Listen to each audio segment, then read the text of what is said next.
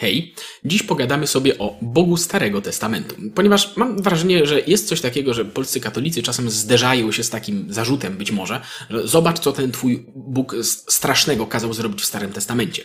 Co stąd stanowi dla wielu ludzi problem. Co mnie w ogóle nie dziwi, ponieważ prawdopodobnie nikt im tego w żaden sposób nie próbował w ogóle nawet tłumaczyć. A też z mojego doświadczenia wielu ludzi no, ma taki obraz Boga, taki zaczerpnięty z, nie wiem, z takiej brokatowej laurki z wiejskiego festynu. No jeżeli ktoś ma taki obraz, a potem otwiera księgę kapłańską, to następuje bardzo, bardzo duże zdziwienie, co jest oczywiście zrozumiałe. Natomiast y, tak jak tłumaczyłem w odcinku na temat y, tego, czym jest Biblia, wszystkie tego typu rzeczy należy rozważać w kontekście tego, jak to powstało, do kogo było napisane i jaki w ogóle był tego cel. Więc to nie są głupie pytania, natomiast te pytania wymagają y, zgłębienia się odrobinę w, właśnie w kontekst. I o tym sobie dzisiaj pogadamy. I oczywiście nie, nie, nie pokryjemy wszystkiego, co się dzieje w związku z Bogiem w Starym Testamencie, bo jest ogromny, ogromny y, rozrzut. Natomiast myślę, że dobrym punktem zaczepienia się są brutalne kwestie tego, co robiono z mieszkańcami Kanaanu podczas jego podboju przez Izraelitów. Ponieważ kiedy Izraelici wchodzą do ziemi obiecanej, no to następuje bardzo brutalny podbój tego rejonu, opatrzony często zwrotami takimi, jak Bóg powiedział, Pan nakazał, prawda, i tak dalej. I dzisiaj się nad tym raz jeszcze zastanowimy. Więc tak, zacznijmy od bardzo, bardzo ważnej kwestii. Ten tekst to nie jest historiografia, rozumiana tak, jak dzisiaj rozumiemy tego typu, y, tego typu gatunek, i nie jest to pisane na bieżąco. To znaczy, to jest opowieść o wydarzeniach z formowania się tak naprawdę narodu izraelskiego, najpierw przekazywana oczywiście ustnie, i nawet jeśli spisana gdzieś na którymś etapie po drodze, to wiemy, że zredagowana do obecnej wersji została nawet kilkaset lat później, tak? Po, około w VI wieku przed Chrystusem. To znaczy, to było przynajmniej kilkaset lat po tych faktycznych wydarzeniach. A Dlatego warto wziąć pod uwagę, że to nie jest to nie jest kronika historyczna opisująca te wydarzenia, to jest raczej coś na, coś na kształt raportu wojskowego idealizującego ten Y, podbój Kanaanu, co dla jasności nie jest niczym zaskakującym w świetle innych tego typu tekstów z, tamtejsze, z tamtego okresu. To znaczy, właśnie idealizowanie czy wyolbrzymianie raportów z, y, z przebiegu bitew, zniszczenia wrogów jest powszechnie znajdowane i u Egipcjan, i u Greków, i u wszystkich ludów, które żyły w tamtym rejonie. I to wiecie, tak naprawdę nie jest to szczególnie zaskakujące. Kiedy opowiada się, jak bardzo się zniszczyło swoich wrogów, wiadomo, że chce się wypaść jak najlepiej, przed swoimi słuchaczami, nawet często naginając do tego fakty. I to, że nam dziś się zdaje, że wyeksterminowałem ich do zera, to nie jest coś, czym byś się chciał chwalić, to należy wziąć pod uwagę, że dla tamtych ludzi to było jak najbardziej coś, co chciałbyś się, czym chciałbyś się chwalić, ponieważ ludzie ci mieli kompletnie, zupełnie inną mentalność niż my, do czego yy, ze szczegółami jeszcze zaraz przejdziemy. Natomiast istotne w tym temacie jest to, że teksty te nie mówią nam koniecznie dokładnie, co się wydarzyło, a raczej mówią nam, jak to zostało zapamiętane. I to jest istotne. Choćby z tego powodu, że co w takim ujęciu oznacza stwierdzenie Bóg nakazał. Jeżeli mamy w takim tekście, który ujmuje te wydarzenia w ten sposób, jak powiedziałem, co to może znaczyć, gdy tam jest napisane, że Bóg nakazał podbić jakieś miasto? Czy to znaczy, że to jest relacja z wydarzenia, w którym, nie wiem, niebo się otworzyło i dało się słuchać głos, prawda, który wyraził jasny rozkaz? Wątpię osobiście. Czy może raczej jest to opis, że to wydarzenie było zgodne z wolą Bożą? Albo in, innymi słowy, było to właściwe, była to dobra rzecz do zrobienia. I oczywiście należy pamiętać tutaj, że mm, obraz Boga, jaki ci ludzie mieli, był no dokładnie taki, jaki potrafili mieć i ani odrobinę lepszy, bo po prostu nie mieli do tego lepszych narzędzi. Natomiast oczywiście to może rodzić pytanie, skoro to jest jednak tekst natchniony, tak, z perspektywy katolickiej. To znaczy, oczywiście, że są w nim widoczne ślady kultury i moralności tamtych ludzi, ale jednak jest to w jakiś sposób tekst natchniony, to gdy w tekście natchnionym pojawiają się takie zwroty, nawet jeżeli należałoby je rozumieć jako to była właściwa rzecz do zrobienia, to co to dokładnie znaczy? Do tego wrócimy, że tak powiem, na sam koniec. Natomiast y, zanim do tego przejdziemy, trzeba zauważyć, że ogromna ilość rzeczy, które ocenilibyśmy jednoznacznie tragicznie i brutalnie w tym, choćby właśnie w tym podboju Kanaanu, nie wynika bezpośrednio z tego, że Bóg każe coś zrobić, tylko jest to raczej opis tego, że coś takiego zrobiono, bez bez informacji, że to, że to faktycznie było y, zgodne z wolą Bożą. Dobrym tego przykładem jest taki słynny, mam wrażenie, na antyteistycznych grupkach fragment z Księgi Liczb, gdzie jest nakaz, by Izraelici zabili wszystkich, oczywiście mężczyzn, bo mężczyzn to się zawsze zabija, ale również wszystkie kobiety z podbitego plemienia, ale zostawili dla siebie kobiety te, które, cytuję, jeszcze nie obcowały z mężczyzną. No i oczywiście, jak, jak to czytamy, to się jeżą włosy na głowie, tylko że warto zwrócić uwagę, bo oczywiście na tych grupkach i, i, i ludzie, którzy tak komentują po tym, oczywiście ani razu nie otwierają Biblii, żeby przeczytać cały, cały akapit, prawda, tylko biorą te, to jedno zdanie, a tam jest stricte napisane, że ten nakaz wydaje Mojżesz. I nigdzie nie jest napisane, że to jest zgodne z wolą Bożą, czy coś takiego. I uwaga, to, że starożytni Izraelici coś robili i jest to zapisane w Biblii, to nie oznacza, że Bóg dokładnie tak chciał. Wręcz przeciwnie, bardzo, bardzo, bardzo dużo jest takich y, zjawisk, gdzie, Izrael, gdzie Bóg nawet coś im nakazuje, a potem oni robią coś dokładnie odwrotnego, tak? I ponownie, pomimo iż wygląda to przerażająco z naszych obecnych standardów, to nie jest niczym zaskakującym, że osoba w tamtejszych realiach mogła wydać tego typu nakaz i mieści się to w światopoglądzie tamtych ludzi. I my możemy oczywiście powiedzieć, że ten ich światopogląd, ta ich moralność jest, była gorsza niż nasza, i myślę, że możemy tak powiedzieć, ale nie jest to nic nadzwyczajnego z perspektywy ówczesnych czasów. To znaczy nawet Grecy i Rzymianie, którzy byli bez wątpienia znacznie bardziej zaawansowani cywilizacyjnie niż te ludy, które latały sobie na pustyni, y, setki czy nawet tysiąc powiedzmy lat później dokonywały zupełnie analogicznych y, zachowań, gdzie po prostu zdobywane miasta plądrowano, palono i mordowano do zera. Także to nie jest czy nam się to podoba, czy nie, ludzie mieli wtedy gorsze spojrzenie na moralność i nie ma co się dziwić, że, za, że zachowywali się najlepiej jak potrafili, nawet jeśli z, naszego, z naszej perspektywy wydaje się to straszne. Kolejno, mam wrażenie, że gdy pojawiają się właśnie nakazy, gdy pojawiają się nakazy, że Bóg nakazał zdobyć jakieś miasto, zrobić coś tam, coś tam zrobić z, z, z zajętymi ludami i tak dalej, i tak odnoszę wrażenie, że ludzie, którzy to krytykują, wyobrażają sobie, że Hebrajczycy to byli tacy kulturalni, mili ludzie, którzy na pewno nie zrobiliby nikomu krzywdy, gdyby ten, ich podły, gdyby ten podły Bóg ich do tego nie podpuścił.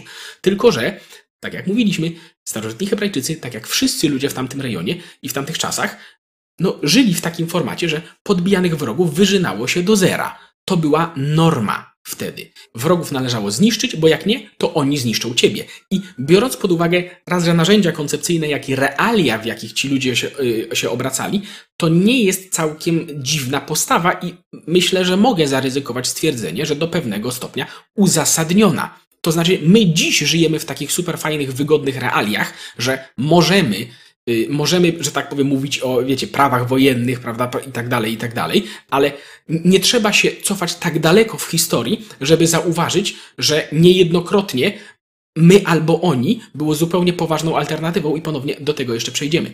I dlatego też wiele nakazów, wiele praw, które się pojawiają w Starym Testamencie, pomimo iż nam wydają się horrendalnie brutalne, to warto się zastanowić, czy przypadkiem nie łagodziły one wcześniejszych norm. Na przykład, to jest taki przykład, który podawałem już tutaj na kanale, y, w jednym, jeden z zapisów y, w Księdze Kapłańskiej oznajmia, że jeśli dziecko jest nieposłuszne rodzicom, czy nastolatek dokładnie rzecz ujmując, jest nieposłuszny rodzicom, to można go przyprowadzić przed Radę Starszych i Rada Starszych ma prawo skazać go na śmierć. Rada ma prawo orzec, że to dziecko należy zabić za to, że było nieposłuszne rodzicom. No i oczywiście ponownie nam jeżą się włosy na głowie, ale przed tym przepisem normą i w ówczesnych y, plemionach, i w, i w ogóle w tamtym rejonie, i u Greków i Rzymian nawet setki lat później, to rodzice mieli, a dokładnie rzecz ujmując ojciec, miał prawo, miał prawo decydować o życiu i śmierci na przykład swoich dzieci, tak? W Rzymie to ponownie, nawet setki lat później ojciec w ogóle był prawem życia i śmierci wszystkich domowników. I, i, i to było i normalnym zachowaniem, normalnym, normalną normą było to, że rodzice sami mogli zdecydować, żeby zabić swoje dzieci, bo na przykład strasznie ich wkurzyły. I ten zapis de facto stwierdza, my słysząc ten zapis, rozumiemy, o ten zapis pozwala jakiejś, jakiejś radzie jakichś staruchów zabić dziecko, ale dla tamtych ludzi ten zapis stwierdza, że rodzicu nie możesz zabić swojego dziecka, nie masz prawa decydować o jego życiu. Jeśli sytuacja będzie rzeczywiście drastyczna, to przynieś do sędziów to dziecko i wspólnie zastanowimy się, co z tym zrobić i zastrzegamy sobie taką możliwość, że rzeczywiście wymierzymy tę, tę karę, jeżeli będzie to w jakiś sposób horrendalnie, drastycznie wyglądała ta sytuacja. Ale to jest złagodzenie tej normy, a nie y, a nie coś brutalnego, tak jak z naszej perspektywy się to wydaje. I dla jasności, bo ktoś może powiedzieć, że czy nie dałoby się tego robić, czy nie dałoby się od razu powiedzieć tym ludziom, żeby się zachowywali cywilizowanie tak jak my. No, chyba raczej nie, ponieważ nawet te normy zawarte w Starym Testamencie były przez Izraelitów notorycznie, regularnie łamane, biorąc pod uwagę nawet tak oczywiste rzeczy jak nieskładanie dzieci w ofierze. I to jest takie coś, na co w Starym Testamencie Bóg kładzie ogromny nacisk. Nie wolno składać dzieci w ofierze. Absolutnie nie. Też odsyłam do mojego odcinka na temat właśnie składania dzieci w ofierze w kontekście Abrahama i Izaaka, tam też jest to szerzej wy, wy, wyjaśnione. Natomiast pomimo, iż jest wyraźny zakaz prawny w prawie mojżeszowym, że nie wolno składać dzieci w ofierze, to i tak później mamy przypadki, gdzie ci Izraelici potrafią składać dzieci w ofierze Bogu Jahwe. Pomimo, iż jest wprost napisane, żeby tego nie robili, bo dlaczego w ogóle? Dlaczego to robią? Bo wszyscy ludzie wokół to robią. To jest normalne zachowanie w plemionach wokół, więc nie jest niczym dziwnym, że przenika ono do ludzi, którzy się obracają w, w takich realiach, pomimo, iż nam się to ponownie w naszej, mam, mam wydaje mi się, że lepszym podejściu do moralności, wydaje nam się to strasz, straszliwie brutalne. I tak samo, gdy Bóg nakazuje, nie wiem, karać tych, którzy się od niego odwrócą, jakieś plemię, prawda? Ale oszczędzać tych, którzy się pomimo tego odwrócenia potem nawrócili, to dla współczesnego słuchacza, dla słuchacza z naszą mentalnością, my się skupiamy, jak Bóg może nakazać zabić tych ludzi, którzy się, którzy myślą nie tak, jak on chce. No bo tak to się często interpretuje. Jak, jak może coś takiego zrobić? ale dla słuchacza w ówczesnych realiach, z ówczesną mentalnością, on by się skupił nie na tym, tylko właśnie, wow, ten Bóg nakazuje nie zabijać tych ludzi, którzy się, nie, którzy się nawrócili, co jest kompletnie nową dynamiką, ponieważ wiecie, w starożytności generalnie zrobiłeś coś złego, to koniec, nie macie. I wielu w ogóle innych bogów, prawda, bogów egipskich, bogów greckich, bardzo często ma taką perspektywę, że jeżeli ktoś zrobi coś, co im się nie podoba, to koniec, do widzenia, ten człowiek nie ma prawa żyć i yy, spuszczamy na niego jakąś prze przerażającą karę. Tymczasem Bóg właśnie w Starym Testamencie pokazuje zupełnie inną dynamikę, to znaczy wielokrotnie, ok, zrobiliście coś złego, ok, nawróćcie się. Potem Izraelici znowu robią coś złego, ok, nawróćcie się, bo stanie się wam coś złego. I oni oczywiście za każdym wielokrotnie robią coś, e, wielokrotnie przekraczają nakazy i ostatecznie spotyka ich kara. To jest dynamika znacznie bardziej łagodna niż inne funkcjonujące dynamiki w, tamtych, w tamtym okresie.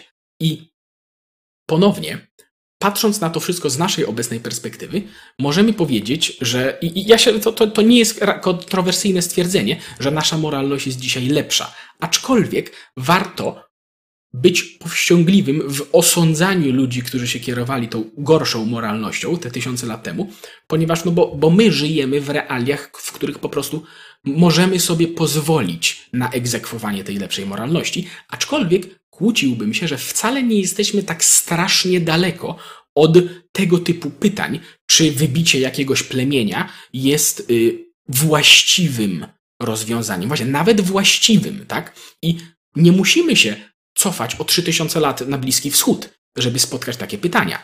No, zastanówmy się, czy zrzucenie bomb na Hiroshima i Nagasaki i wyparowanie 200 tysięcy Japończyków, Bogu ducha winnych de facto w większości cywilów, było właściwe. Czy to było dobre, to co zrobiono? I oczywiście, wiecie, ja osobiście nie wiem. Nie wiem tego, nie, nie potrafię tego ocenić, aczkolwiek istnieje możliwość, że tak, są argumenty za i przeciw, oczywiście. Natomiast, wiecie, te bomby były zasadniczo małe w porównaniu do tego, co wynaleziono później. No i nie sposób nie pominąć faktu, że tak się przestraszyliśmy ich i tego, co one zrobiły, że od tamtej pory nikt ich nie użył, prawda? I być może w ostatecznym rozrachunku wyszło na lepiej y, zrzucenie tamtych bomb wtedy, niż gdyby miano kilkanaście lat później po raz pierwszy wypróbować bombę atomową i zrzucić i za, zamordować znacznie, więcej, znacznie większą ilość ludzi. I pomijam już tu oczywiście fakt taki, że jakby wyglądała wojna w dłuższej perspektywie, gdyby tych bomb nie zrzucono. Czy Amerykanie musieliby dokonać inwazji na Japonię? Ilu ludzi by zginęło wtedy? Czy przypadkiem to nie było to znaczy tak, nie, nie ulega najmniejszej wątpliwości, że z, po prostu zginęły setki tysięcy niewinnych ludzi, tak?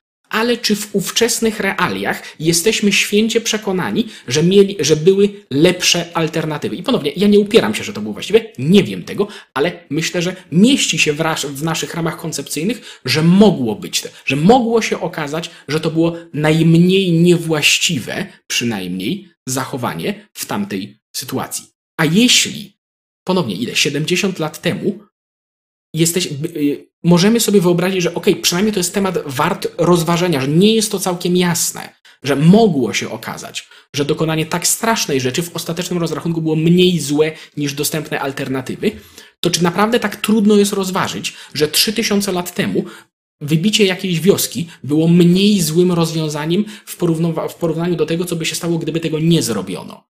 Ponownie w kontekście ludzi o mentalności y, oko za oko, gdzie wszyscy nawzajem wie, trzymają swoje wendetty do siódmego pokolenia, prawda? I bardzo często wygląda tak, że albo my wybijemy ich, albo oni wybiją nas. I ponownie, nawet pomijając kontekst religijny, wydaje mi się, że nie jest drastycznym stwierdzenie, że podjęcie tak drastycznych kroków w tamtych realiach mogło być najmniej złym z dostępnych rozwiązań, bo tak wyglądał świat. I ja, ja, ja, sobie całkowicie zdaję z tego sprawę, że to wszystko brzmi strasznie.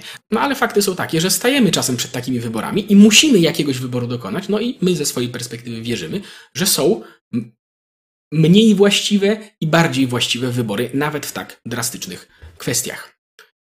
I oczywiście teraz możemy wrócić do, pytania, do pytania, jak właściwie tego typu teksty mieszczą się w perspektywie na, ten, na, te, na, na nie jako na teksty objawione, tak? Co to dokładnie znaczy? Dlaczego to jest w ogóle część tego wszystkiego i po co nam to? Czy to przypadkiem właśnie, nie wiem, nie zaburza czegoś? Ale wydaje mi się, że nie. To znaczy, te teksty i odzwierciedlające realia w, w których tamci ludzie żyli, są istotną częścią ukazywania prawdy na temat planu zbawienia z perspektywy katolickiej, ponieważ ukazują, jak rozwijała się postawa tych ludzi wobec Boga i ich moralność również. I to jest bardzo istotne, ponieważ My mamy dzisiaj tą naszą lepszą moralność właśnie dlatego, że ona jest nadbudowana na tej ichniejszej, gorszej moralności i warto tą ich, to ich moralność rozumieć i przed jakimi wyborami ludzie ci stawali i do czego i na co musieli, i co musieli, a co, a co przynajmniej się im wydawało, że musieli robić. I warto też zwrócić uwagę, że gdy Jezus przychodzi, prawda, w Nowym Testamencie, on nie stwierdza, to, co było wcześniej w Starym jest nieważne, kasuje, to nie ma czegoś takiego. Nie, nie, nie. Wyraźnie zaznacza, że to, co zostało powiedziane wcześniej, on rozwija. On nie kasuje tego, ale to wypełnia, to znaczy ukazuje, o co tak, do czego tak naprawdę miało nas to doprowadzić. I zwróćcie uwagę, że to rozwinięcie polega w dużej mierze właśnie na tym, że okej, okay, mieliście pewne, pewne zestawy praw, pewne normy zachowań, pewne wzorce, ale teraz będziemy wymagać od was więcej. I spora część jego nauczania polega właśnie na tym, że na pokazywaniu, jak dostrzegać bliźniego w obcym, w człowieku, w naszym wrogu, prawda? I pomimo, iż dziś nam się wszystkim ludziom wydaje, którzy jesteśmy wychowani w tej kulturze, która jednak w ogromnej części bierze swoją etykę właśnie z normatywności chrześcijańskiej, nam się to te, teraz wydaje oczywiste, że, że, że lepiej wrogów nie eksterminować do zera, ale wystarczy spojrzeć nie tylko wstecz na historię, ale również na inne kultury, które są dzisiaj, że to wcale nie jest oczywiste, to wcale nie jest naturalne, to wcale nie jest domyślne, to jest skutek tego wszystkiego, co przez ostatnie tysiące lat się w naszej cywilizacji działo i również tego, że tamci ludzie wtedy mieli taką moralność i dokonywali takich, a nie innych wyborów. My możemy być tutaj, gdzie jesteśmy właśnie dzięki nim. I ponownie, mm, ktoś mógłby powiedzieć, taki częsty zarzut się pojawia, mam wrażenie, że to wszystko dało się zrobić lepiej, że nie trzeba było, że nie trzeba było przechodzić przez te wszystkie brutalne prawa, że dało się to od razu wyjaśnić, prawda, i tak dalej, ale wydaje mi się, że taka teza, że dało się te wszystkie prawdy przekazać, przekazać po prostu skuteczniej, wydaje mi się, że to jest bardzo śmiała teza, w świetle chociażby tego, że jakby na to nie patrzeć, nic, co stworzył człowiek, nie dotarło i nie przemówiło do większej ilości ludzi w poprzek różnych kultur i w poprzek różnych epok niż chrześcijaństwo. To znaczy, ta konstrukcja, również etyczna, prawda, również niosąca normy etyczne, dziś już lepsze niż wtedy, nadbudowana na, tamtym, na tamtej podstawie, ostatecznie jest najskuteczniejszą narracją, jaką widzieliśmy w historii świata. I jeżeli ktoś twierdzi, że dało się to zrobić lepiej, no ponownie to jest moim zdaniem po prostu dość śmiała teza. Ale, ale to jest już tylko oczywiście moja, moja opinia. I tak naprawdę to wszystko. Przypominam oczywiście, że to jest kolejny odcinek z serii y, na temat katolicyzmu polskiego w Polsce, gdzie, że tak powiem, zderzamy powszechne wyobrażenia na ten temat z tym, co faktycznie, miejmy nadzieję, w tym jest. I jak zwykle zapraszam do komentowania, zapraszam do obejrzenia poprzednich odcinków serii. No i to wszystko. Do usłyszenia. Hej. Jeśli chcesz być informowany o kolejnych odcinkach, to kliknij dzwoneczek powiadomienia, żeby żadnego nie przegapić. A jeśli chciałbyś pomóc w tworzeniu takich filmów, to zapraszam do wsparcia nas na Patronite. Do usłyszenia.